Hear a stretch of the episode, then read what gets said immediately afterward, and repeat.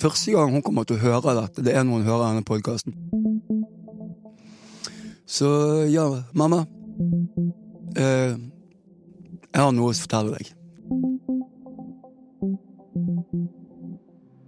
Når jeg var 19 år, altså dette var i sommeren 99, så hadde jeg akkurat vært på en tre uker lang eh, bilferie med min far, lillesøster, bitte lillesøster, lillebror og stemor.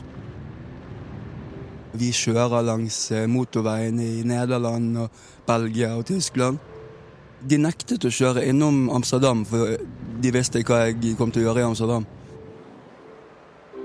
Men jeg fikk tak i et eh, blad som heter High Times. Og da, da var det en lang artikkel om liksom, verdens beste hasj, og det var håndrullet tempelhasj fra Nepal. Jeg hadde jo noen timer eh, å tenke på den turen.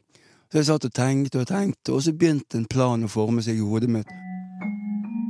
Hva hvis jeg reiser til Nepal? Hmm. Nei, vent. Jeg reiser til India, og så reiser jeg til Nepal. Nei, kan ikke gjøre det. Jo, ja, nei, jo, ja. Jeg hadde pushet litt, så jeg hadde, jeg hadde en del penger. Jeg hadde eh, rundt 70 000 kroner. Det var ikke det at jeg hadde solgt mye speed, men jeg hadde ordnet til en idiot. Og tatt eh, overpris. Vanvittig overpris. Altså sånn han, han, hadde så lite peiling at uh, ja. Jeg vet da faen. Jeg var fisker eller noe sånt. Jeg, jeg, altså, jeg spurte ikke, stilte ikke spørsmål. Jeg traff ham på en fest. Og så kom vi i snakk, og så Jeg kunne da tenke meg å kjøpe noe amfetamin. Ja, det kan ordne amfetamin. Uh, til uh, bladi, bladi, blad kroner hekto. Og å, sier du det? Det var billig. så høsten 99, i oktober så uh, satte jeg meg på et fly til uh, Mumbai. Jeg skulle til Nepal og kjøpe verdens beste æsj.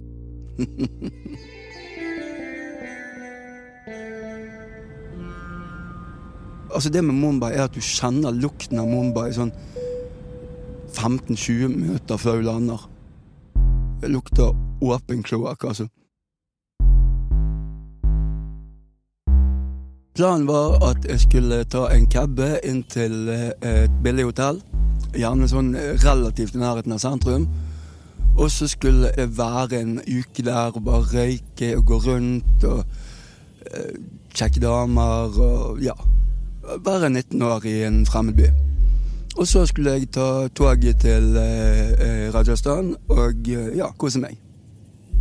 Så jeg gikk ut på gaten, og det var jo ikke vanskelig å få tak i hasj der. Det var masse sånne små gutter. Og jeg visste de, de drev med det som het bakshish. Bestikkelse på indisk. Og, og det, er så, det er så Det er så mange forskjellige.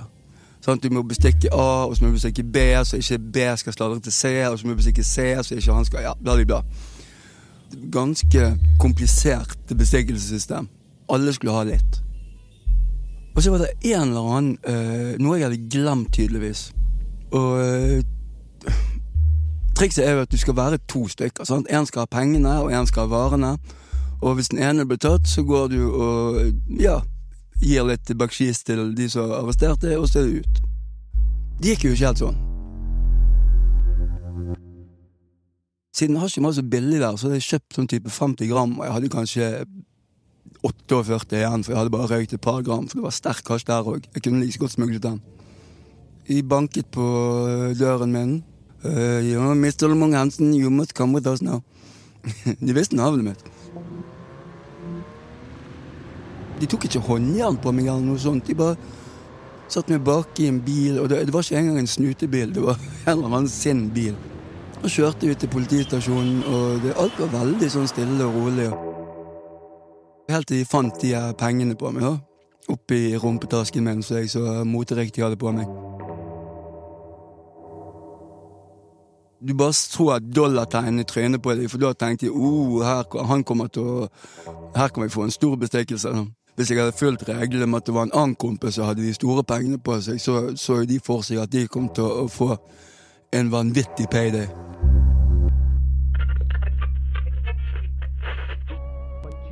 Men dagene gikk, og jeg var i arresten der. Og så skjedde det ingenting. Og når det ble tydelig at han ikke kom, så ble jeg politifolka litt sånn oppgitt. og bare, ja, Sett han i varetekt og begynn byråkratiet. Altså, Jeg fikk ingen informasjon om hva som kom til å skje, eller eh, om jeg kunne ringe noen. Nei, jeg bare satt eh, i, i celle på, i arrestasjonen på eh, politistasjonen. Så det kom jo en, en indisk advokat etter et par dager, og var veldig sånn der giret sånn Ja, jeg er 100% sikker på at vi kan få dette ned i 10, maks 15 år. Men hvor, hvorfor så mye? Og han var så blid, han advokaten. Han var, han var så sånn der, 'Ikke du fornøyd med meg nå?' He? Altså Når du er 19 år og finner ut at du kanskje blir sittet til du er 35 i et indisk fengsel, så blir du litt nervete. Jeg så for meg at wow, nå er jeg fucked. Jeg måtte jo venne meg til å drite foran publikum. Av og til var det kø på dassen, for det var jo 200 stykker og én dass, eller ett hull i gulvet. Men det var eh, to vegger på siden, men ingenting foran. Og så var det jævlig ubehagelig å ikke ha dritepapir. Uh, altså det var jo en spreng der, sånn, så det var en kanne, og så gikk det og liksom sånn haltet jeg bort til den der med buksen uh, på knærne og trusen oppe. Og så fulgte du vann. De hadde en sånn kanne med vann. Så, liksom, så helte du den oppå ryggen så liksom rant ned i rumpen og fikk vekk liksom litt. Men det kjentes ikke rent ut. Det kjentes ikke hygienisk ut. Og det var, det var så ekkelt. Jeg hatet det. Forestill deg liksom en, en, en, stor eh, gymsal med, med, rød murstein. Når vi sov, så måtte vi ligge øre til øre. Og de hadde noe som het uh, tillitsfanger. Og det var de som hadde 15 år eller mer. Sånn, gjennom morder og den type ting. Altså, du så uh, vekterne som jobbet der, så du egentlig relativt sjelden. Og hver natt så måtte vi legge oss og ha på oss et teppe. Og hvis jeg ikke hadde på deg det teppet, så kom de her tillitsvingene og klasket deg under foten med køllene sine. Jeg hørte jo historier om tortur og Ja. Det var en som hadde Det var et, Han skulle demonstrere, for han hadde slått etter en av betjentene. Og da hadde de visst eh, tatt han opp på en, eh, en slags stol hvor han hadde armene i sånn Jesus-stilling med armene ut. Og så først hadde de tatt knærne opp på armen hans, og så knekt han utover. Og da hadde han eh, skreket noe voldsomt. Og så tok de og knakk andre òg, og da besvimte fyren. Og det hadde visstnok skjedd bare et par dager før jeg kom. Men igjen, altså, det var mange historier som ble fortalt der. Og jeg vet ikke om det ble sagt bare for å skremme meg, eller hva det var. Altså, men...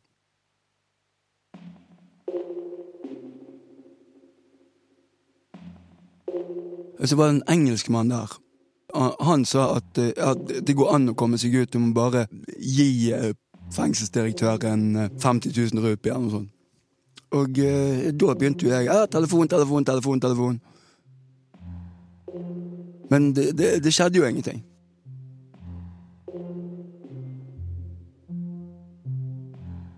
Altså, Jeg følte meg trygg etter en stund, fordi at alle var veldig hyggelige. Det var ingen sånn der uffen stemning og sånn som du ser på uh, på National Geographic, uh, hva det heter, Lucked Up Abroad, hvor folk hadde Det var ingen, så ingen sånne hjemmelagde våpen eller noe sånt. og det, Tvert imot så var det mye sånn de bedde til Jeg husker ikke hva gud det var, men en, de hadde nok å velge mellom disse hinduene. Og vi fikk god mat. Det ble, det ble veldig overrasket over. Vi fikk sånn digg curry og sånt. Og de sa bare slapp av, eh, det kommer til å ordne seg dette her. Og det er bare å eh, betale så og så mye, så ordner dette seg og sånt. Så.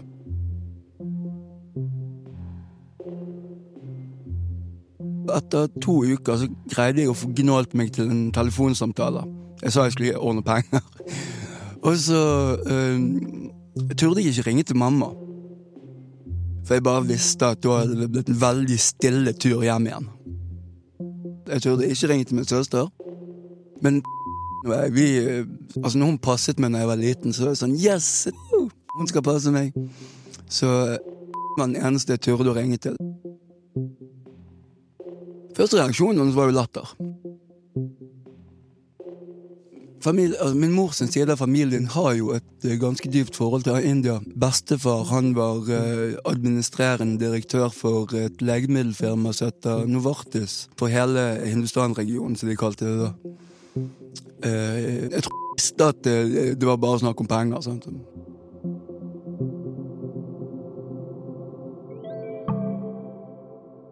Så en dag så kommer en av vekterne inn i den her Gymsal Alvor og bare mister Han klarte ikke å si Cato, så han sier Kato Mong Han. Til å begynne med trodde de var kinesisk.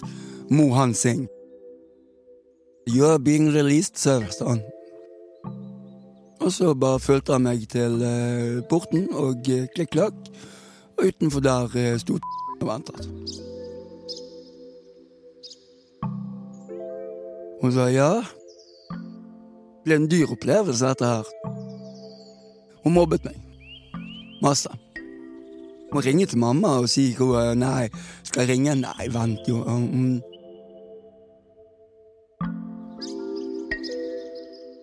Når jeg kom hjem, satte meg ned i stolen min, rullte meg en gigantisk joint og bare var veldig fornøyd med livet og tingenes tilstand og hvordan det hadde gått. For jeg fikk en indre fred over meg som bare spredde seg fra tånegl opp i issen. Altså, det var en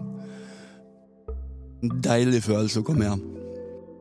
Altså, da var jeg eh, Hadde jeg fått noe av India. Hm.